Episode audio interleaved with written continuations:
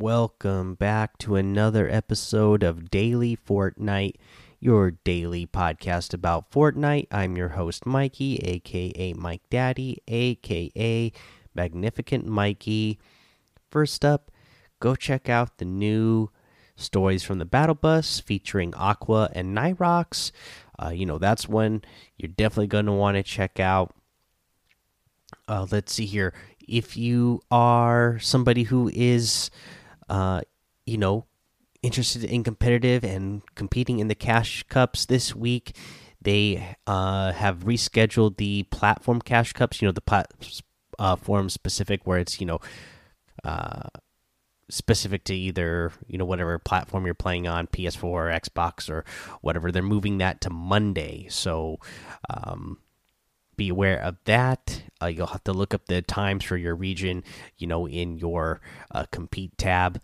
Uh, also there is a maintenance patch coming tomorrow. Uh, they say it will be fixing a bunch of known issues that can be found on the uh, trello board. So you know who knows? I mean if they're addressing them all or which ones they're addressing or what. Uh, but myself, being a console player, uh, and just what I've heard from other console players and what I've read about the performance on console this season, I'm hoping they got a bunch of fixes for that. Especially, you know, we're getting into the holiday season here, so you know, you, you would think there's going to be a lot more uh, people who will be uh, coming up with some time off from school or from work, uh, you know, and uh, all those um, console players out there. Hopefully, they will get a, a bunch of fixes and just uh, performance issues in general uh, fixed for us.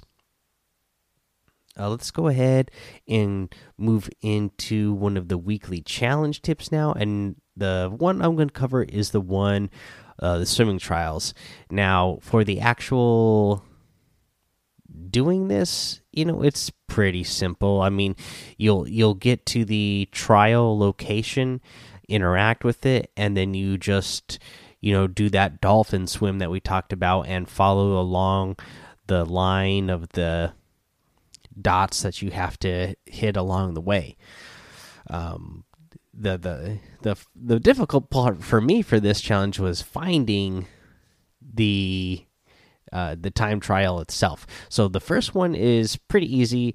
It's uh, just it's in the river just west of Lazy Lake. There is that uh, little. If you, I don't know how often you ran, land at Lazy Lake or how familiar you are with it, but there is a river there, and then uh, on the west side, and then there's like a little uh, house out there uh, if you just go a little bit, uh, I believe a little bit north of that is that's where the the time trial was.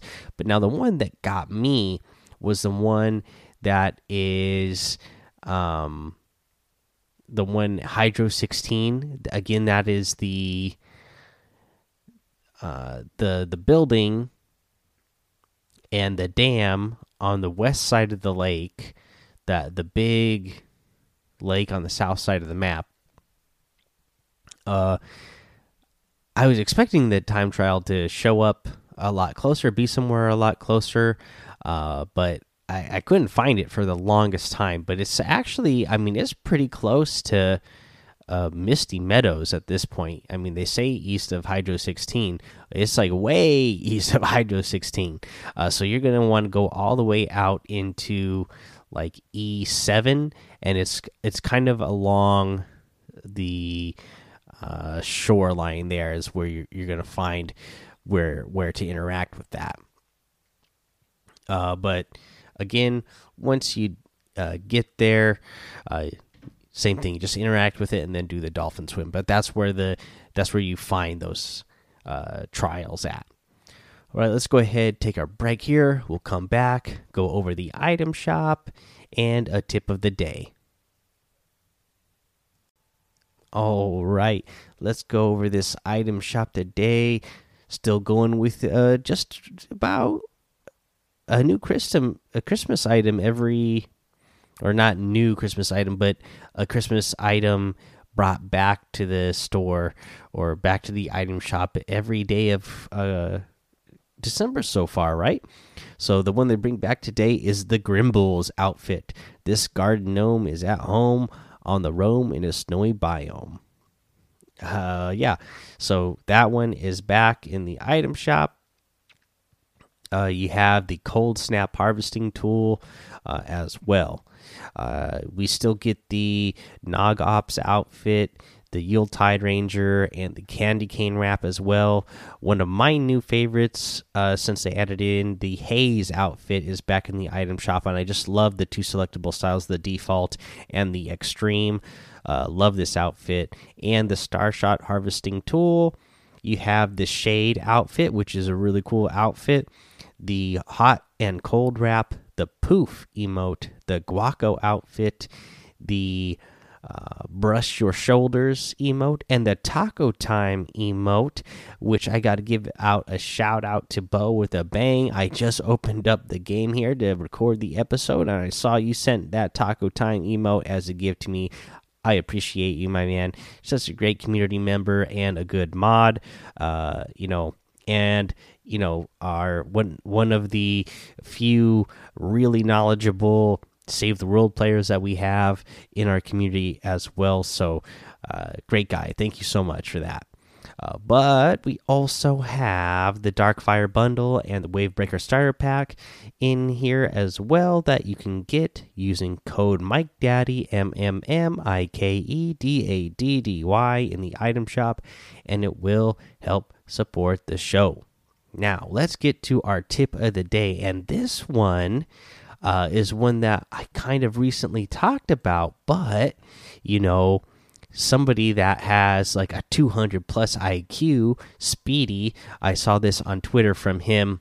You know, he's always coming up with great uh, strategies uh, and putting them out there. But it's that cone edit I talked about, guys. Uh, that cone, that cone edit phase. You know, where you you put in a you put a cone in a box to where you are phasing through it. Uh, you know, and the one I talked about, you know, you, you're you're phasing through your cone, and that is so that your opponent has a harder time tracking you when they have that window edit open, uh, but you'll still be able to shoot out and hit them. Now, a great idea uh, with this this cone edit phase is that when you get inside a box with somebody, if you have a wall trap, you can place down a trap on the floor. You know, a lot of times in the past we've talked about, you know, putting that trap on the ceiling because if they if you put the trap on the ceiling, it's really hard for your opponent to escape taking damage from that. Um, you know, and this is especially if you only have, one. you know, if you have multiple traps and you get inside somebody's box, then yeah, you're going to want to put up multiple traps to, you know, increase your chances of hitting them. But especially if you only have the one trap, a great new move is boom, you put down the trap on the floor and you put down your cone, but you put it down so that you're phasing through it. And if when you're inside that box with another player, uh, because you're phasing through it, they're also going to phase through that cone. So the trap will go off and they will get hit by the trap. And because you already have that cone down and you're phased through it, you know, they can't put down a ramp and they can't put down their own cone to block it. Your your cone's already there. It's just being phased through. So that's a that's a great idea. Uh, so uh, you know, next time you have a chance and uh, you can pull this off, try it. Uh, get inside somebody's box, throw that trap on the floor, throw down your cone edit, uh, you know, kind of to the point where you're standing, uh, you know, a little bit off center. That way, you, that way you'll be phasing through it, and uh, your opponent will phase through it as well, and then guaranteed to get hit by that trap. Alrighty, guys, that's the episode. So go join the daily Fortnite and uh, Discord and hang out with us over there. Follow me over on Twitch and YouTube, Mike Daddy on both of those. Head over to Apple Podcasts, leave a five star rating and a written review for a shout out on the show. Subscribe so you don't miss an episode.